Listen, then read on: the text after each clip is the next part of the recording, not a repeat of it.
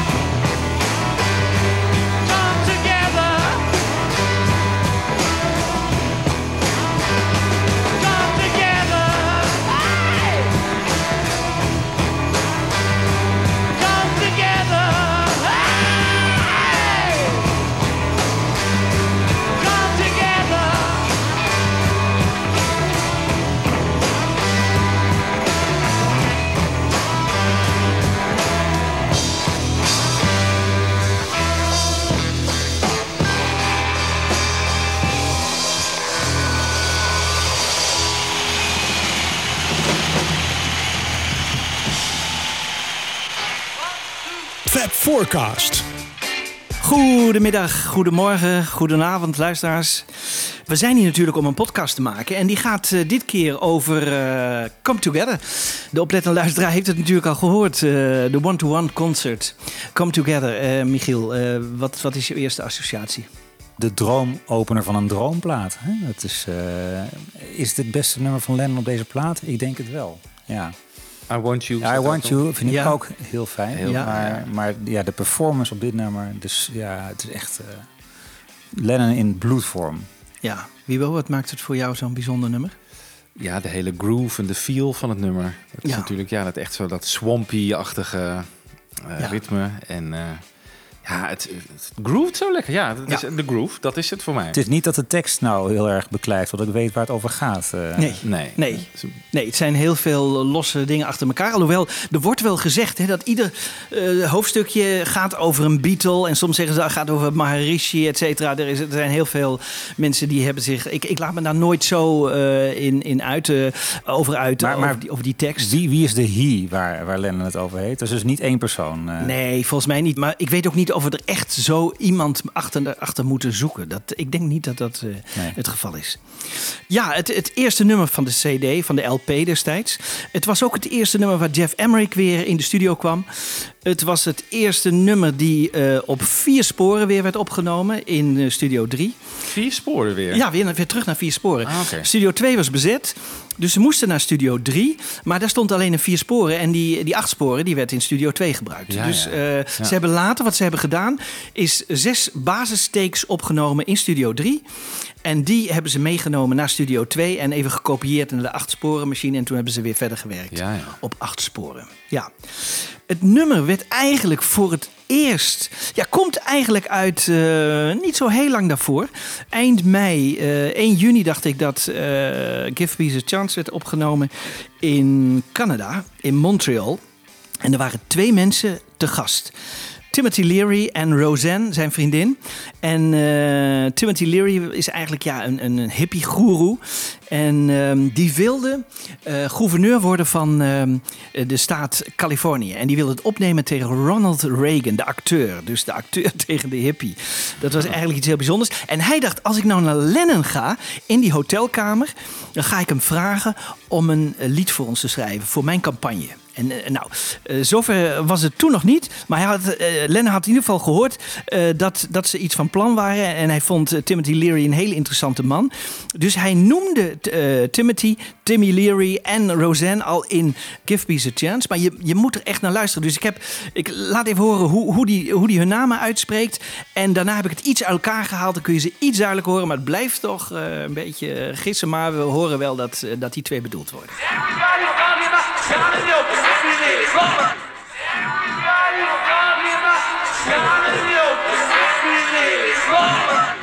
Timothy Leary, Roseanne. Hij moet het allemaal in dat ritme eh, noemen. Maar dat ze genoemd worden is natuurlijk fantastisch. Uh, Lennon heeft niet zoveel levende personen, althans op dat moment eh, genoemd. Hè. Peter Brown was al genoemd in ehm The Ballad of John en Yoko.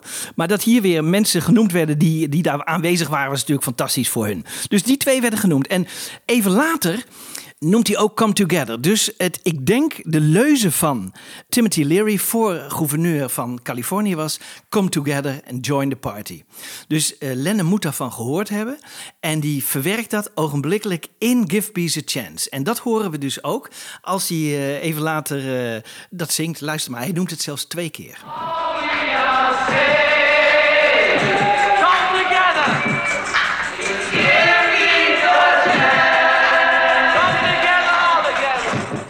Come together all together. Come together all together. Ja. Dus hij heeft, hij, daar moet hij van gehoord hebben. Dus ik, ik neem aan dat hij eh, van, van Timothy Leary heeft gehoord. Dat is de campagne. Wil je daar iets voor schrijven? Nou, daar kwam hij, eerst wilde hij natuurlijk dit nummer opnemen. De volgende dag eh, gaat hij bezig met een, met een demo voor Timothy Leary. Voor die, voor die campagnesong.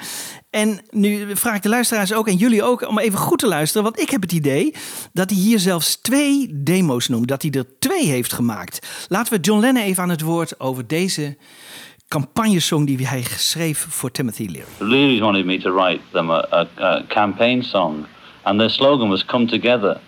And uh, I wrote it. I still got it. It's actually very like the Kinks' "Drive," you know, some song of theirs.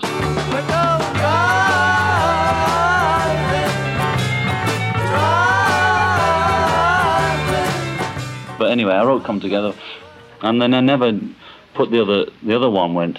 Come together and join the party. Come together and join the party. You know, for Leary, like give peace a chance, chant along thing. So I never did it, and I ended up writing "Come Together" instead. Ja, dus Ik heb het idee dat hij er twee schreef. Uiteindelijk drie dus.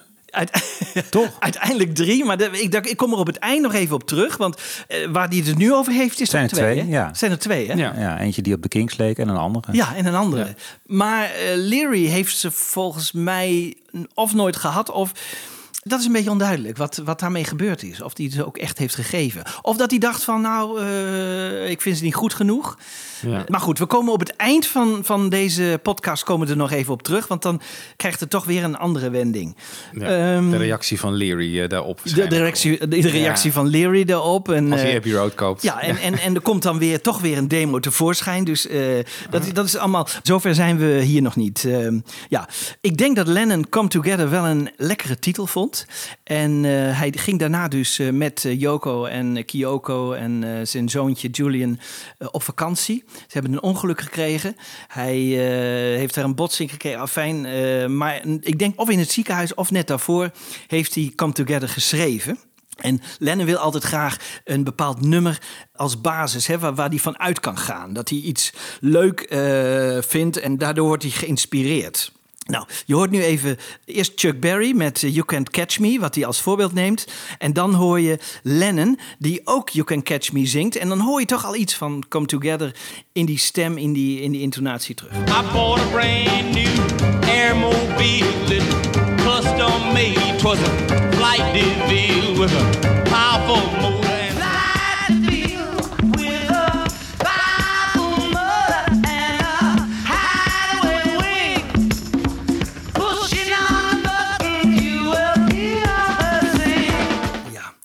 dit is eh, een stukje van uit 1973, rock and roll. Wanneer is het? 73, eh, 73. en in eh 75 volgens mij ook nog eh, Ja, afgemaakt. Heeft hij afgemaakt. Ja. Ja. Maar ik hoor toch ook wel iets in, in daarna Ja. iets van, van Come Together, hè? Zeker. Eh, In die, Ja. eh, Dat Ja. repetitieve, dat... eh, Ja, badam, maar helemaal het refrein helemaal niet, maar eh, inderdaad wat er aan, wat aan vooraf gaat eigenlijk. eh. Ja. ja. En dan komt hij dus op 21 juli in de studio. Eh, er wordt een bed neergezet. Eh, hè, dat is de beroemde scène waarin een bed neer wordt gezet in Studio 3. En John komt eh, daar naartoe en laat horen wat hij heeft gecomponeerd. En dat doet hij eigenlijk dus in, in, de, in de stijl van Chuck Berry. Dus hij speelt als snel. We hebben daar geen opname van, want daar werd nooit, die, dat werd zelden tot nooit opgenomen... als John gewoon even voorspeelde voor de andere Beatles. Dus ik heb aan Diederik Nommende gevraagd van... hoe zou Lennon dat ongeveer op zijn akoestische gitaar hebben gespeeld? Ja, dat zou wel zoiets geweest zijn. You come on, Fanta, come moving up, starting. Dat zou wel een soort Chuck Berry-achtig ding. You come on, Fanta, come moving up. Zoiets zal het wel geweest zijn. Ja, Ik heb McCartney dit ook wel eens horen voorspelen, hoe John ermee aankwam. En dat was echt van... ding, ding, ding, ding, ding, ding, ding. Echt nog sneller. ja hè? Ja, volgens mij is het echt heel snel. Ja. En McCartney zei toen van... Maar daar kom jij vast nog Daar op. komen we zo Dat op. moet ja, daar komen we zo op. Want Bob de Jong die, die sloeg er helemaal op aan. En die, die dacht van, nou, als de Beatles dit hadden uitgevoerd in de Chuck Berry-stijl, hè, hoe zou dat dan hebben geklonken? Dus die heeft er echt even een Beatle-nummer in Chuck Berry-stijl van gemaakt. Nou, ik, ik vind dat wel heel grappig. Laat me even luisteren.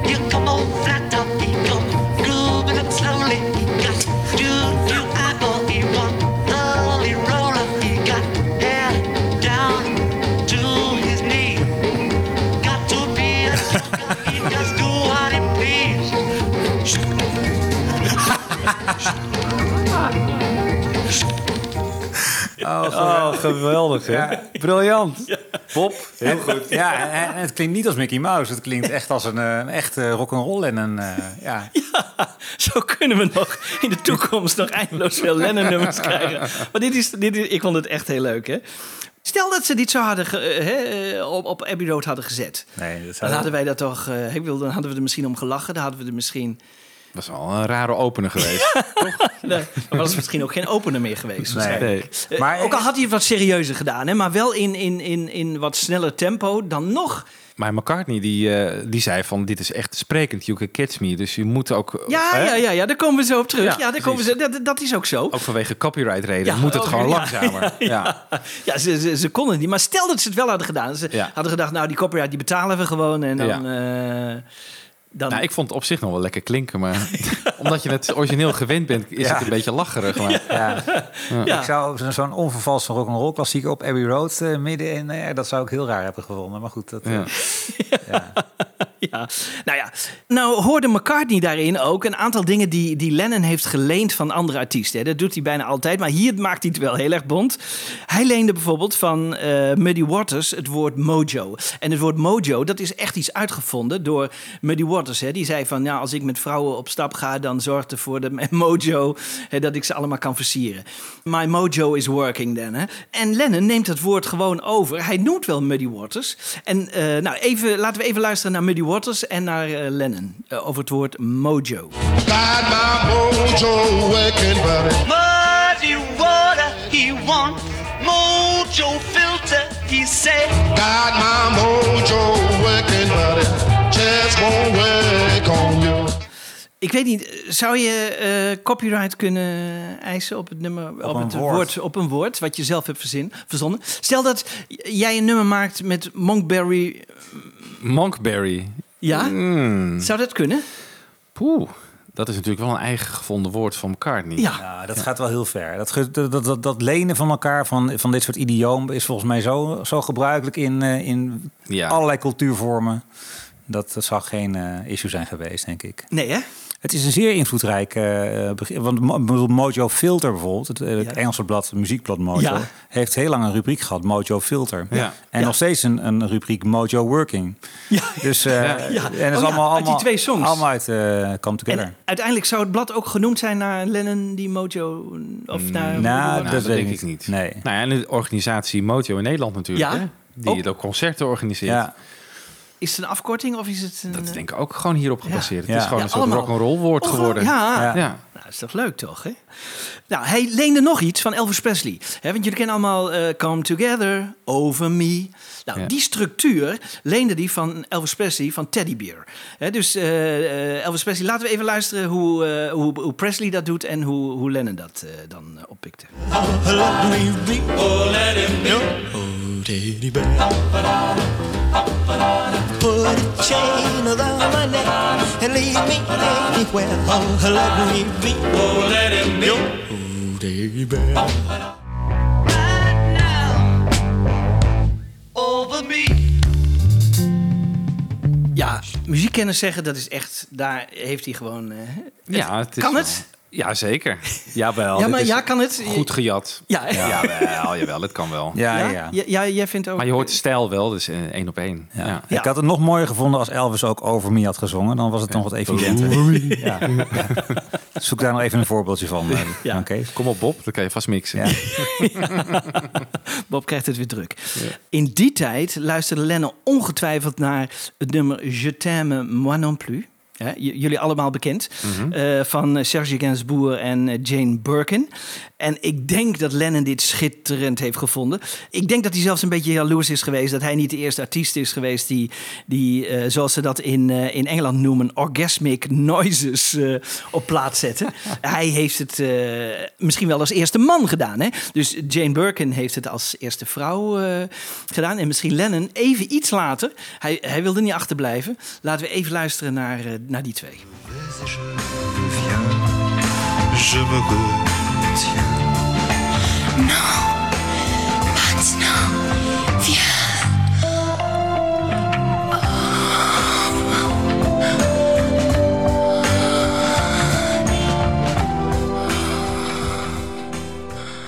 Come together. Yeah.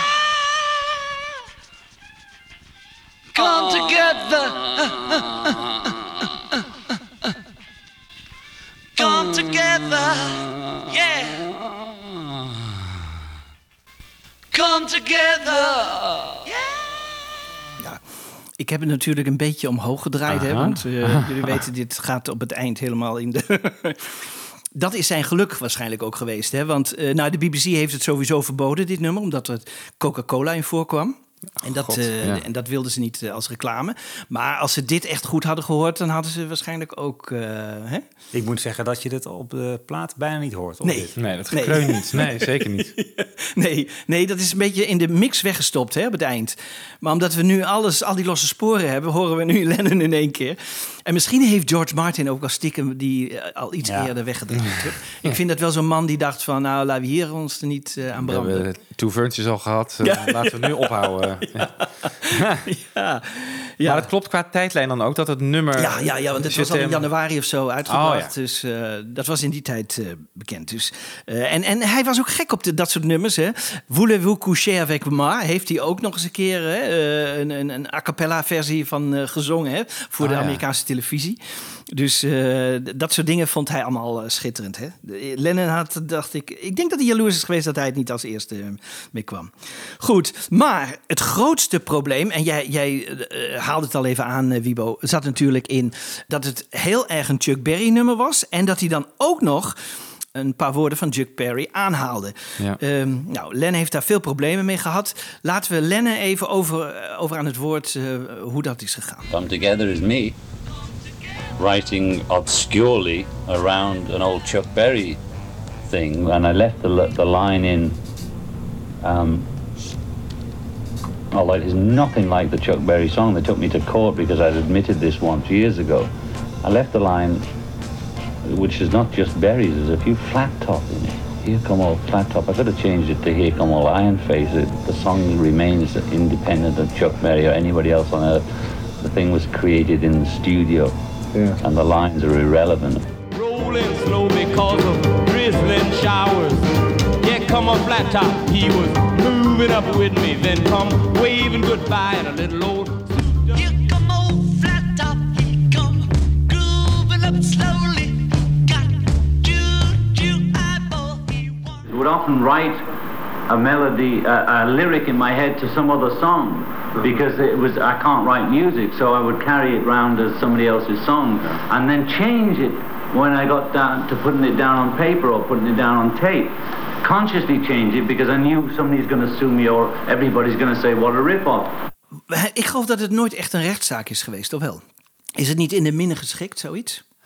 Volgens mij heeft John toen gezegd van ik ga drie nummers van Chuck Berry of in ieder geval van die Morris is gewoon- Levy precies, dat opnemen. was een soort, soort uitkomst Ja. van een soort schikking. Ja. Van, eh, Ja. nou ja, dan eh, geen eh, rechtszaak, maar wel... Maar daarna is het nog wel een rechtszaak geworden, want je hebt nog wel foto's van John eh, die, eh, in de rechtszaal. Omdat hij niet eh, het, helemaal... De, de- hij voldeed niet aan de aan, Voorwaarden. Van de voorwaarden. Hij één nummer te weinig, geloof Ja, ik. Of ja. zo. Zoiets was het. Ja, ja, klopt.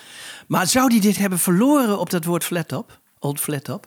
Dat, ja, het is niet alleen maar old maar ook wel He Come Grooving Up With Me, zingt Chuck Berry. Hè? En dan maakt Ja. hij even een Grooving Up Slowly. Dus is eigenlijk en denk ook wel de melodie dan misschien. Ja. Ja. ja. Wat ik altijd vreemd heb gevonden is dat Lennon verantwoordelijk werd gehouden en McCartney niet. Die, is- die, die ontsprong de dans. Ze hebben niet gezegd Lennon-McCartney, jullie zijn beide verantwoordelijk. Dus eh, hè, Lennon voelde Nee. zich, eh, die heeft gelijk daar eh, de Ja, het verantwoordelijkheid was zijn voor nummer natuurlijk. Ja. Ja. Misschien heeft hij gewoon de verantwoordelijkheid gepakt. En eh, denk dat het contact met Ja. Paul ook wat minder was in die tijd. Ja, Want wanneer speelt die rechtszaak? Dat zal zo'n beetje eind 69 zijn of zo? Of nee, nou, nee, later? nee, iets later geloof ik hoor. Ja, Ja, ik denk, Ja. Dan, dan staan ze natuurlijk al op het punt om uit elkaar te gaan. Of misschien Ja, dan zijn ze al uit elkaar. Ja, Dan zijn Ja. ze al uit elkaar. Goed, maar je kunt je voorstellen, hè, als op die 21 juli middags, als Lennon daar dit hele nummer zingt.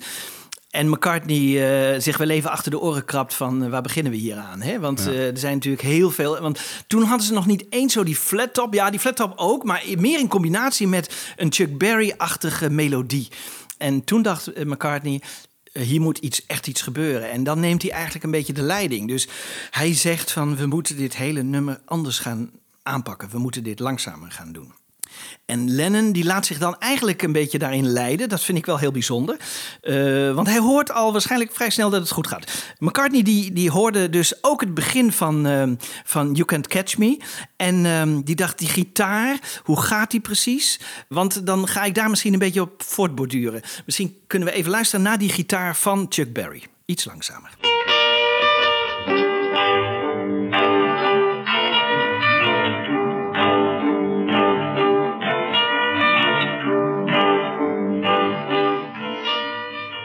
Ja, dit is wel grappig. Hè? Dit, is, dit is eigenlijk de basis van het begin van Chuck Berry. Hè, Chuck Berry begint dus eigenlijk ook met een, met een, met een soort riff. En gaat daarna over in de song. En dat doet John eigenlijk ook. Hè? Die begint ook met een riff waarschijnlijk. Hè? eh, eh, als hij in de studio komt. Ook met een riff en gaat dan door in de song. Dus McCartney denkt, hij houdt die structuur vast. En denkt van, eh, hij gaat van hoog naar laag.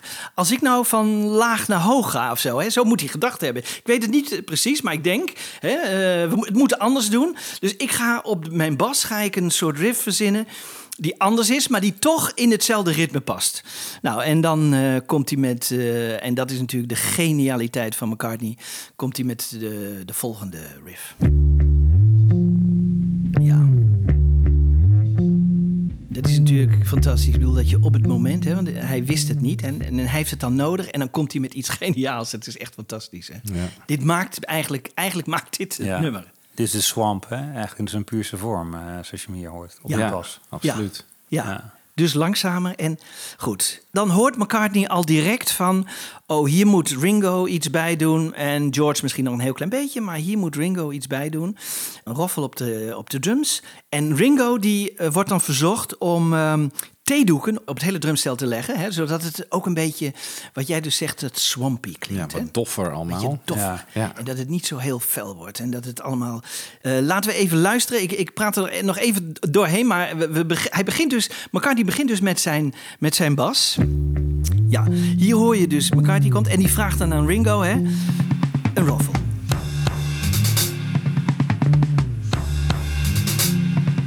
Er perfect bij. En dan vraagt hij aan George: kom ook nog met een iets ingetogener gitaarlick.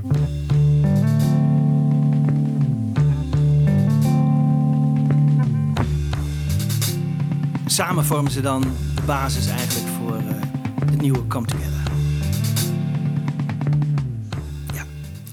Dit is echt fantastisch. Dit is echt... Ja, klinkt zo lekker. dit. Ja, het klinkt zo lekker, hè?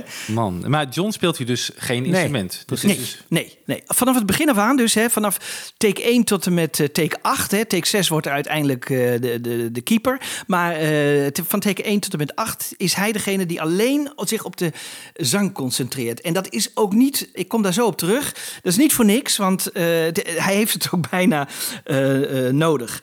Het grappige is, dit is eigenlijk de laatste medewerking van John aan een Beatles-single. Hè? Want eh, dit wordt de B-kant van eh, Something.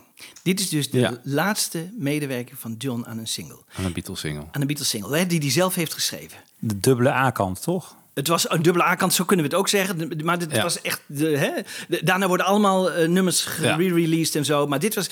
Maar en- You Know My Name is natuurlijk later gereleased, maar is eerder opgenomen. Is dat eerder bedoel je? opgenomen. Ja, ja, Oké. ja. En de eerste, want ze gaan dus nu eh, John's nummer vertragen. Maar de eerste, het eerste nummer wat John eh, eh, ooit schreef voor de Beatles, hè, dat was eigenlijk het tweede nummer. De eerste nummer één hit, dat was Please Please Me. En die was juist weer te langzaam. Hoe heeft die ongeveer langzaam geklonken? We gaan even, even voor de grap even zes jaar terug.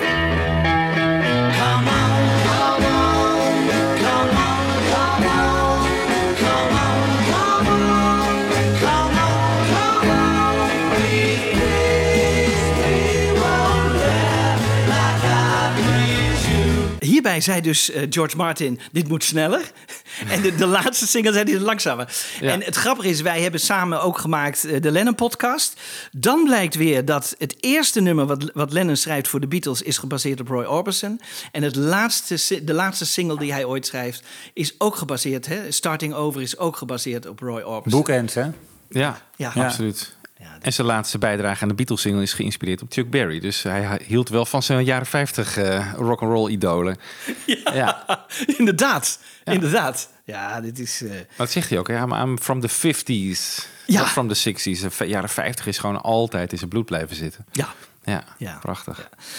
Dus de, de eerste en de laatste single, het moet zo zijn, hè, allebei eh, een ander tempo.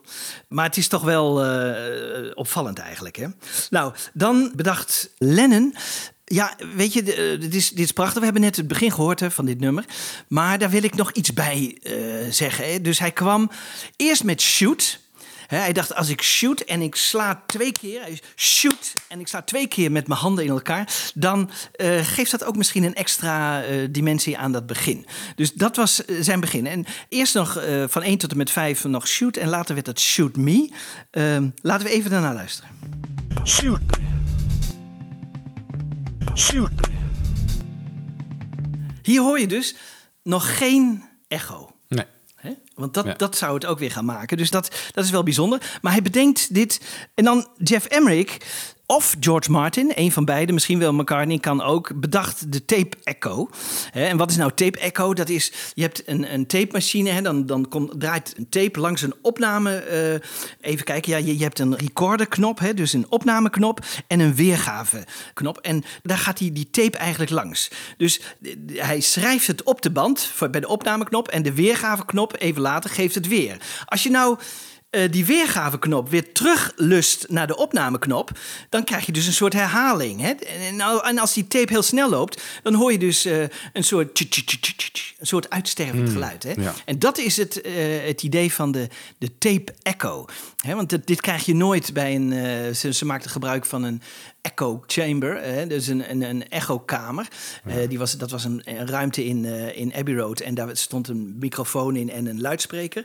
En eh, dan krijg je een soort effect als, als wij in de badkamer staan en het klinkt lekker hol. En Ja. nou, zo maakten de Beatles heel lang tot deze nieuwe transistor gestuurde toestanden allemaal kwamen. Maakten ze eigenlijk gebruik van, van, van galm. Hè? Galm is een beter woord dan echo, want echo is een, iets wat terugkeert. Maar Ja. echo is hier wel het goede woord voor. Ja. Dus, en ik vind het heel jammer, want ja, kijk, Jeff Emmerich die heeft, een, heeft een boek geschreven. En daar zegt hij niks over die galm. Want die echo eigenlijk, die hij heeft eh, ontworpen. Dat hadden we nou graag geweten. Hoe is dat tot stand gekomen? Wie heeft dat bedacht? Eh, nou, dus daar schrijft hij weer niks over. Eh, bijvoorbeeld, we horen ook deze prachtige bas hè, van, eh, van Paul McCartney. Dat, dat is ook eh, iets nieuws wat ze op dat moment hebben uitgevonden. Een bas kun je opnemen door... Hè, eh, Paul speelt gewoon een bas met een, met een versterker naast hem. En voor die versterker staat een microfoon. Nou, eh, maar je hebt ook de mogelijkheid om een basgitaar direct in de mixer eh, te, Ja. te steken. En wat doen ze hier? Ze, ze doen het allebei. Dus zowel de versterker als eh, direct in de, eh, In in de mixer. tafel, ja. Nou ja, en, en dat levert een heel bijzonder mooi basgeluid op. Dus, dus vandaar dat die bas hier ook heel mooi uitkomt. En dat, van wie dat eh, idee is geweest, weten we niet.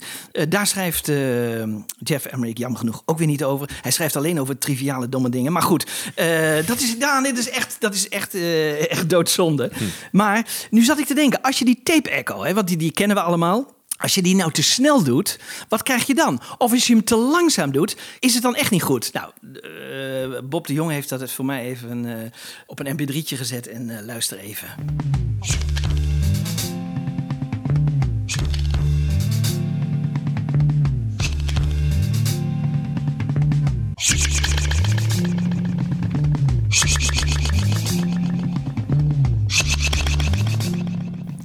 Hier hoor je dus, eh, alle twee zijn niet goed, hè? Dus als je te kort doet, is het niet goed. Maar als je het te lang doet, is het ook niet goed. Nee. Dus, een ehm, soort sweet spot eh, ja. ontdekken eigenlijk. Ja, en, en dat is natuurlijk weer eh, ja, het geniale van die jongens die, die dat allemaal... Hè, want dat, dat luistert nogal nauw, want je moet die bandrecorder dus sneller of langzamer laten lopen... om die echo precies goed te krijgen. Dat is hun gelukt en, en, en dat is natuurlijk weer ontzettend knap. Dus dat is ook heel leuk om te horen. John die had dus eh, Shoot Me, eh, dat bedacht hij. Maar ja, eh, waar kwam dat Shoot Me nou eigenlijk vandaan? Want meestal vindt het wel ergens een oorsprong. Nou, hier hebben ook weer mensen on- ontdekt eh, van een onbekend Beatles nummer. Watching Rainbows. Jullie kennen de titel ongetwijfeld. Ja. En daar komt het woord Shoot Me heel vaak in voor. En hij moet het bijna daar vandaan hebben. Dus laten we even een stukje luisteren. Watching Rainbows uit de Get Back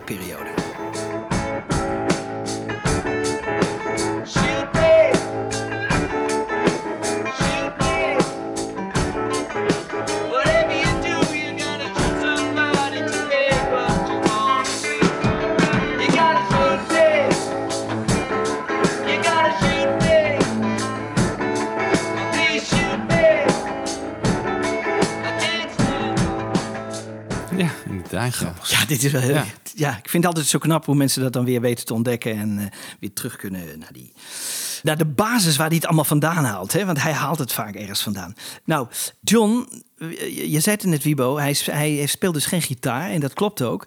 Want hij wil eigenlijk dit nummer elke keer meezingen en volledig uit zijn dak gaan. En dat doet hij dus al die vijf keren eigenlijk. En het lukt hem eigenlijk soms helemaal niet. Want hij heeft waarschijnlijk in die auto en in, in die Austin... Hè, die hebben we wel eens gezien, dat is, die heeft echt een enorme klap gehad. Dus die longen hebben waarschijnlijk ook een klap gehad.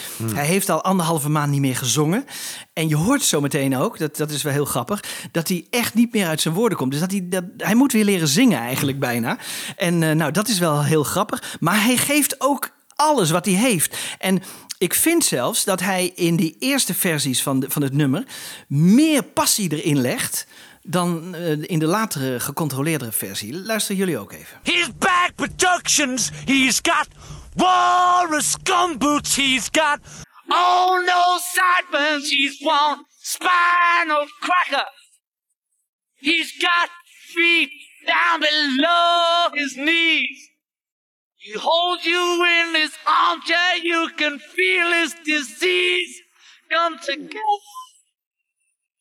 right now over me. He's got to get some bobo. He's just whole heart. Please come together right now over me. Ja, die is grappig, hè? Hij legt er inderdaad meer passie in, maar het is volgens mij net zoals bij Lucy in the Sky destijds. Dat zong hij in de eerdere takes ook echt. eh, newspaper, taxis. up. Dat, dat past gewoon niet. Nee. En ik vind dat ingetogen in die eh, uiteindelijke versie. Ja, komen wij weer. De uiteindelijke versie is altijd de beste natuurlijk. Maar dat vind ik hier echt veel beter passen. Want dit vind ik te too much. Ja, Ja. Deze manier van zingen. Ja, hè? Dus als hij het zo, maar ja, stel dat hij het mooi had gezongen met passie, hè? Want hij zingt het hier. Ja, ja oké, dat is waar.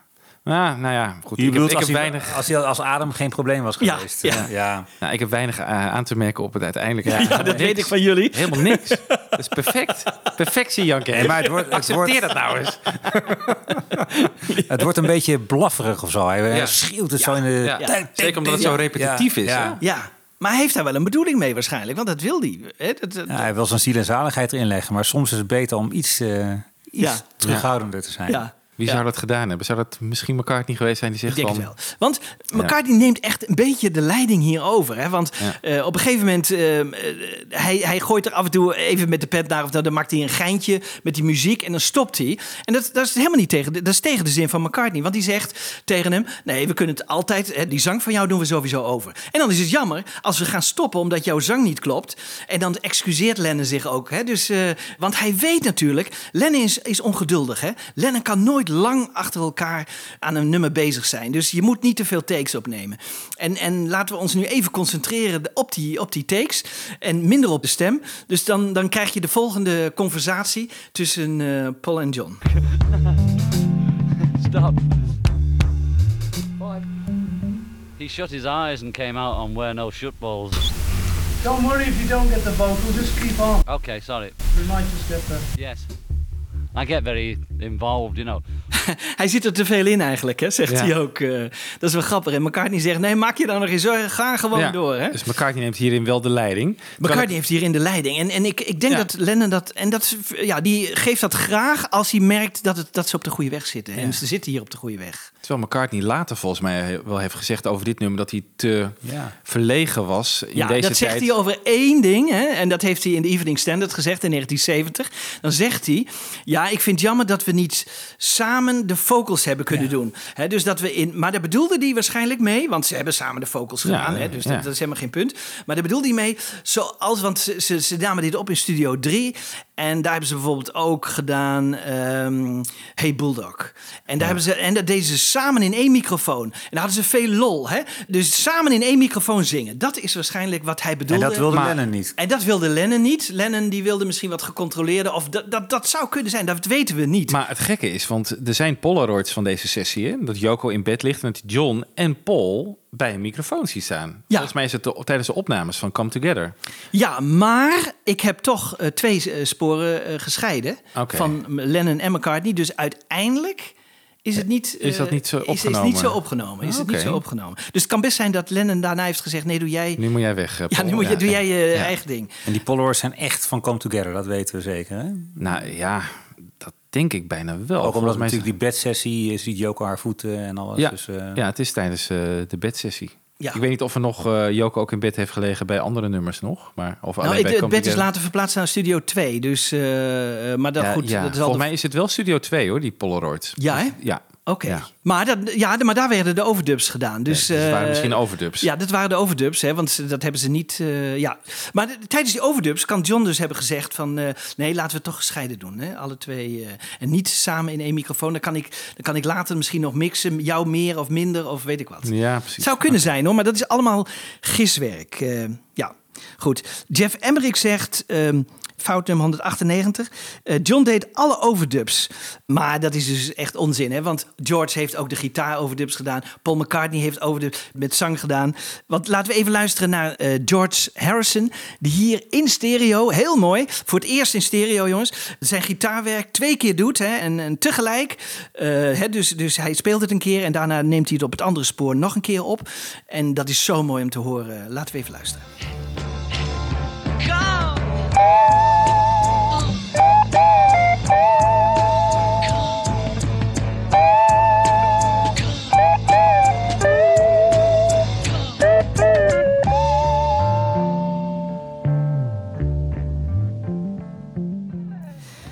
Ja, dus eh, het is echt onzin dat Lennon alle overdubs deed, want George speelde gewoon gitaar. eh.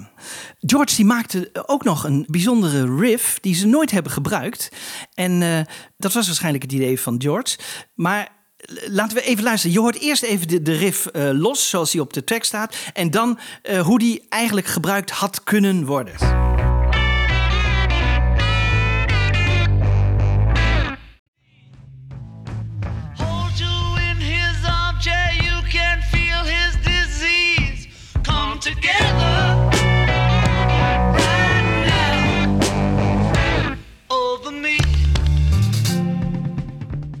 Best lekker hoor. Ja, hè? Hier, hey. Hey, hier zie ik een... eh, Nou, nee, veto. Michiel? Ja, het, is, het is lekker, maar eh, ik, ik mis het niet eh, in het origineel. Nee, ik wist het ook nee, niet. Nee. Maar, Als ze het wel hadden gedaan. Ja, Ik bedoel, hadden jullie het dan minder mooi gevonden? dan moet ik toch even een Bob de Jong complete mix horen. Dat, nee, het was inderdaad niet nodig. Nee. Het is niet nodig. Maar ik vind hem op zich niet verkeerd hoor. Niet zoals in maar de ik, ik, ik vind, ik, nee, precies. En ik vind gewoon ook de, de, de, de kracht die je in het begin liet zien van gewoon die ritmesectie, die drum, die bas, die rustige gitaar. Ja. Dat is ultiem. Meer heb je niet nodig eh, om op het muzikaal zeg maar zeggingskracht te geven. Nee. Ja. Nee, het is voor mij echt niet nodig. Weet je wat Bob zegt? Hij denkt dat hij het wel kan verklaren. Omdat eh, John en Yoko waren in die tijd in een periode... dat kunst iets is wat voornamelijk in de toehoorde toeschouwer plaatsvindt. De consequentie is dat de kunstenaar zo weinig mogelijk moet doen... net voldoende om de toehoorder te inspireren. Lees bijvoorbeeld het boekje Grapefruit van Yoko. Bij Lennon uitzicht dat in een versobering en versimpeling van zijn liedjes. Steeds simpeler akkoorden en lyrics. Vergelijk maar Don't Let Me Down met Day in the Life. De versobering zet zich door richting Ballad of John and Yoko naar Give Peace a Chance. En dan de top bij Cold Turkey. Eh Solo-projecten eh, in, de, in de vroege 70 jaar, eh wedding album, een liedje wat bestaat uit twee minuten stilte.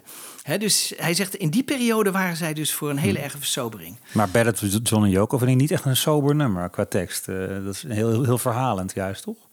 Ja, Of- maar misschien... Maar gaat het dan om de instrumentatie, bedoel je dat? Ja, ik denk, Ja. denk voornamelijk om de instrumentatie. Ah, voornamelijk, hè? Ja, ja, ja. Want eh, bijvoorbeeld eh, dat, dat die, die prachtige solo van Billy eruit moest in I Want You... Ja. zou ook hiermee te maken kunnen hebben. Ja, het zou kunnen.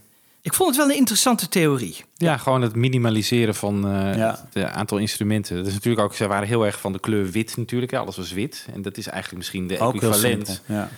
Wit is eh, in, de- in muziek is stilte natuurlijk. Dus veel meer naar versobering. Ja, en dan is er nog... Ik kwam er even niet uit. eh, eh, wat voor instrument of hoe, wat horen we hier? Eh, luister even naar de volgende fragment. Over me.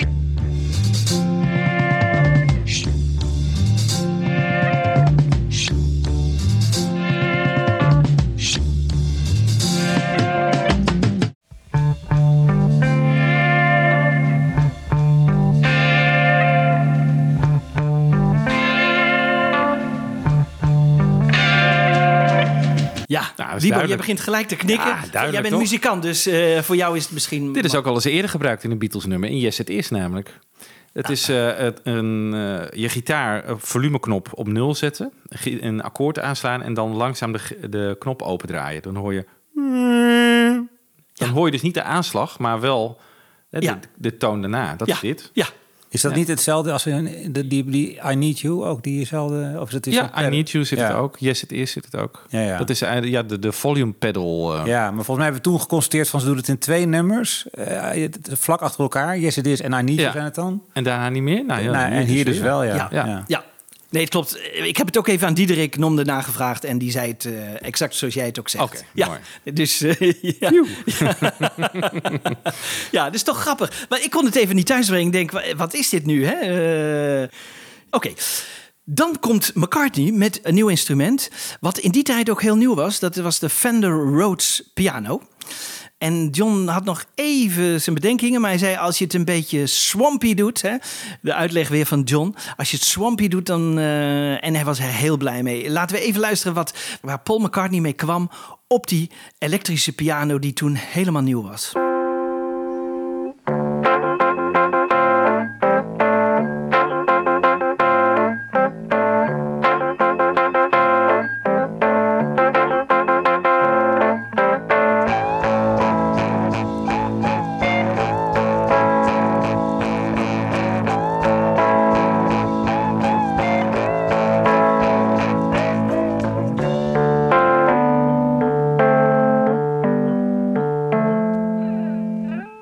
Ik zie jou bijna meespelen.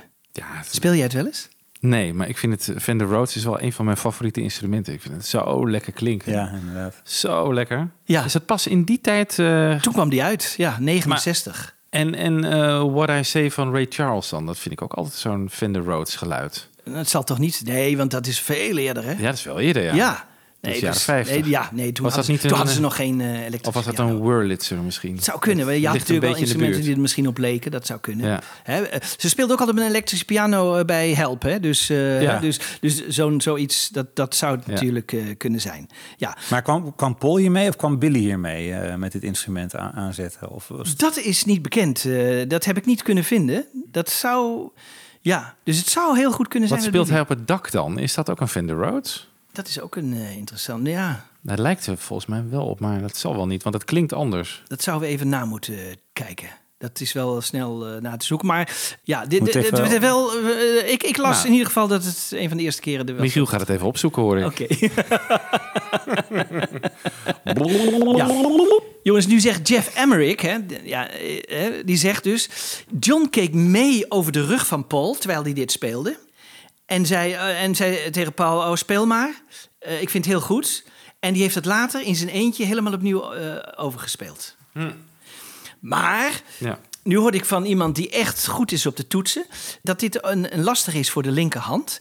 En, dat, we, en we hebben net gehoord van Diederik Nonde in onze Lennon-podcast... dat Lennon helemaal niet zo goed was in die linkerhand. Nee.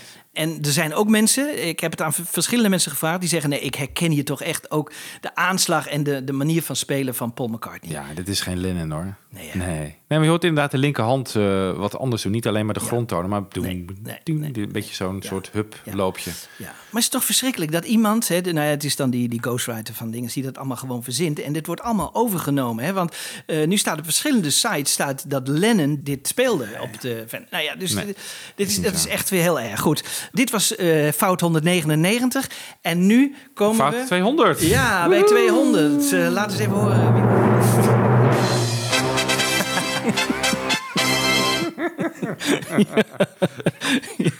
Maar, maar waar, waar komt toch die obsessie met het boek vandaan? Bedoel, Nou, weet je, omdat dit boek, hè, dit is niet een boek wat gewoon. welk boek, waar, geschreven- waar hebben we het eigenlijk over? Want, we hebben eh, het boek over Here, There and Everywhere van Jeff Emmerich en Howard Massey. Hè, die, die- Howard Massey, of Massey, die heeft dit geschreven. maakt er een beetje een mes van. eh. Die heeft er een mes van No man ja. omen, ja, dat- En het wordt tot, tot de Core Collection altijd genoemd. Want ja, hij was erbij. Hij, hè, dus, dus net als Lewison die dat helemaal heeft uitgezocht. Hè, die, die, die was er bijna bijna eigenlijk bij, maar die, die nemen we ook eh, zo. George Martin, als die een boek schrijft, nemen we ook heel serieus. Paul McCartney, als die eh, zijn herinnering opschrijft, nemen we ook heel serieus. En dit komt dus iedere keer weer, weer voor. En dan lees je zulke pertinente onzin over zo'n nummer. Alles bijna wat over dit nummer geschreven wordt, eh, klopt niet. En de dingen die hij had moeten schrijven, schrijft hij niet. Dus dat vind ik eigenlijk het hele erge. Hij zegt bijvoorbeeld...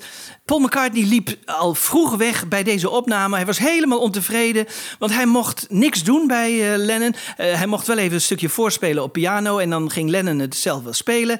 Verder eh, ho- hoefde McCartney zich nergens mee te bemoeien. McCartney ging dus vroegtijdig naar huis... wilde nog graag wat vocals doen. Nee, zei Lennon, helemaal niet nodig. Ik doe alle vocals zelf en jij bent niet nodig. En McCartney droop af en vond het vreselijk.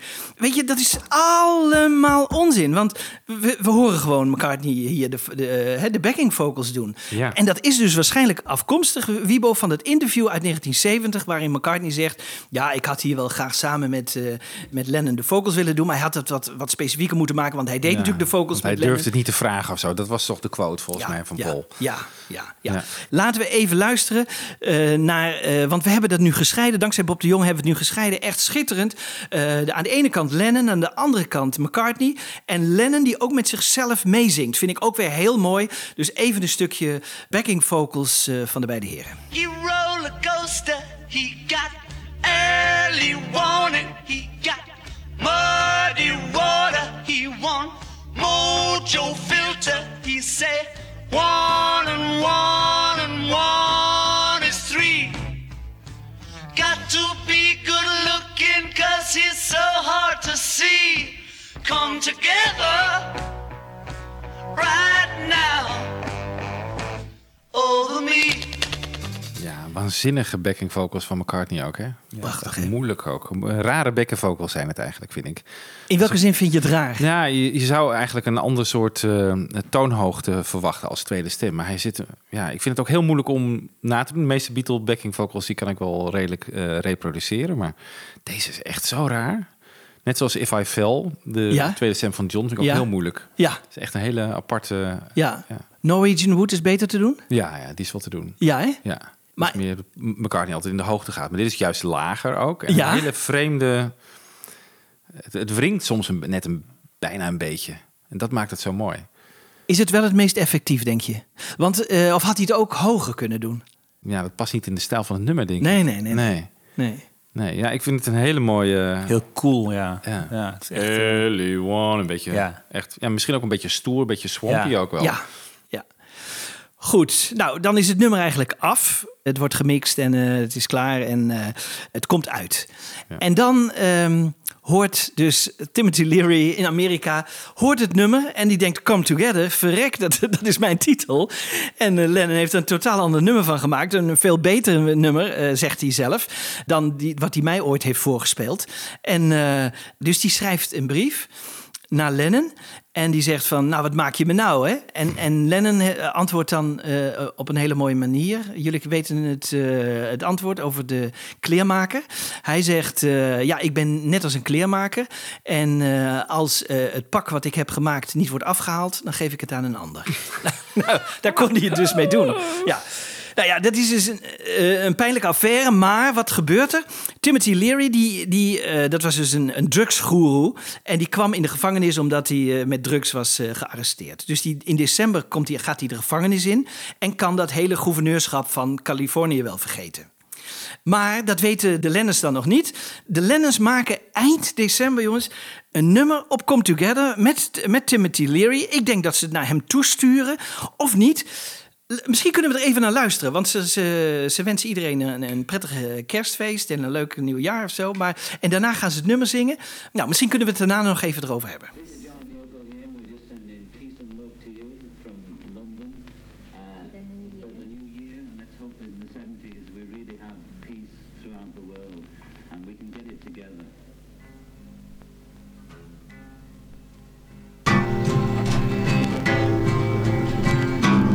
You're the cage. Comes on Monday. Jimmy Deliri comes on Tuesday. We better come together. John and Yoko come every day. Come now.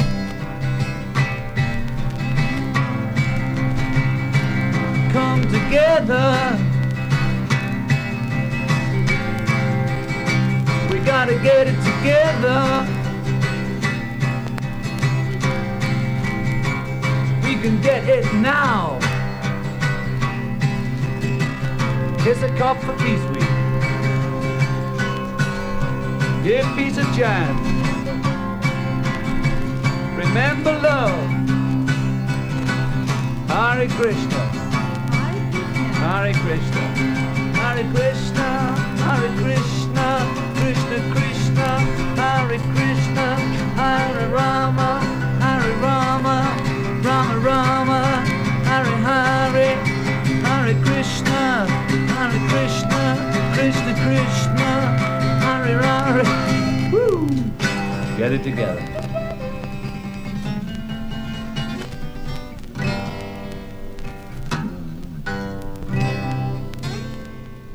Ja. Dear Jongens. Prudence eh, hoorde ik hierin. Dat waren dezelfde akkoorden. Won't you come out to play? Dus waar, waar, plagieert waar neemt u dit precies voor op? Eh, een soort kerstboodschap voor, Ja. de, voor de goede gemeente. Ik, ik denk, want, want we hebben dus een opname, nou, dit is de enige opname die we hebben, dus dit moet het zijn, die gedraaid is op, op alternatieve Amerikaanse radiostations. Ik denk, heeft, zou hij dit nu aan, aan Leary hebben gestuurd? En, en die vrouw heeft dat in ontvangst genomen, want hij zat natuurlijk in de gevangenis en heeft dat misschien doorgestuurd naar alternatieve radiostations. Ik, eh, ik, ik weet niet wat ik hiermee aan moet. Wat, want we, dan nu hebben we er drie. Hè? Nu hebben we drie eh, versies van. Ja. eh, eigenlijk vier met de uitgebrachte. Ja. En misschien was het een goedmakertje van Lennon van... sorry dat ik eh, met jouw titel vandoor ben gegaan. Ja. Hier heb je een crappy demo. Doe wat je ermee wil doen. Ja. Leuk campagnelied met, met- met John en Yoko en Give Peace a Chance. Remember love.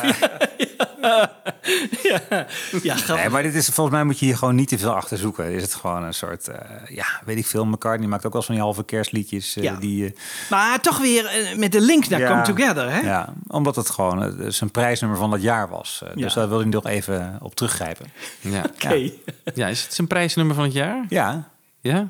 Ja. ja. Ja. Oké. Ja. Van dat jaar, ja. Nou ja, misschien weten de luisteraars iets meer van of zo. Hè? Het is altijd leuk als mensen reageren op ons eh, programma. Hè? Eh, weten ze wat, wat, iets meer van deze demo af? Of eh, hebben ze ooit een andere demo gehoord van Lennon? Dan horen we daar graag over. Ja, tot slot jongens. eh, hij kan maar even profiteren van het geweldige succes van dit nummer. Want hij, hij komt al snel in de problemen. Hè? En eh, dan eh, is het eh, You Can Catch Me van Le- eh, Levi, zeg ik dat goed? De, Morris Levy. of Levy. ja. Levy. Nou, die, eh, die gaat eh er hard tegenin, want eh, die is eh, waarschijnlijk eigenaar van de Chuck Berry-rechten. En dus hij zegt, eh, ik wil daar compensatie voor hebben. Nou ja, en, en eh, John geeft eigenlijk toe en, en neemt dan het nummer, onder andere You Can Catch Me, neemt hij nog een keer op. Ja. eh, samen met Phil Spector. Eh, in een hele andere versie dan eh, Chuck Berry. Langzamere versie ook, hè? Langzamere versie. Dat is wel ja, heel je hebt apart. gelijk. Ja, ja, wat meer op Come Together lijkt misschien dan. Ja. Dat is wel gek. Ja, maar goed, eh, we komen tegen het einde van, eh, van Abbey Road. Hoe hoog staat deze bij jullie op de Lennon-lijst? Oeh, ja, wel heel hoog. Ik vind het echt een fantastisch nummer, dit. Wel top Ja. 10 materiaal hoor. Ja, Ja, zeker. absoluut. Ja, ja. ja. En op Abbey Road? Ja, dat is... Ja. Dat is, We moeten de, Dat is perfecte moeilijk, hè? nummer op van de perfecte plaats eh, Ja. kiezen. Dat Ja. is lastig.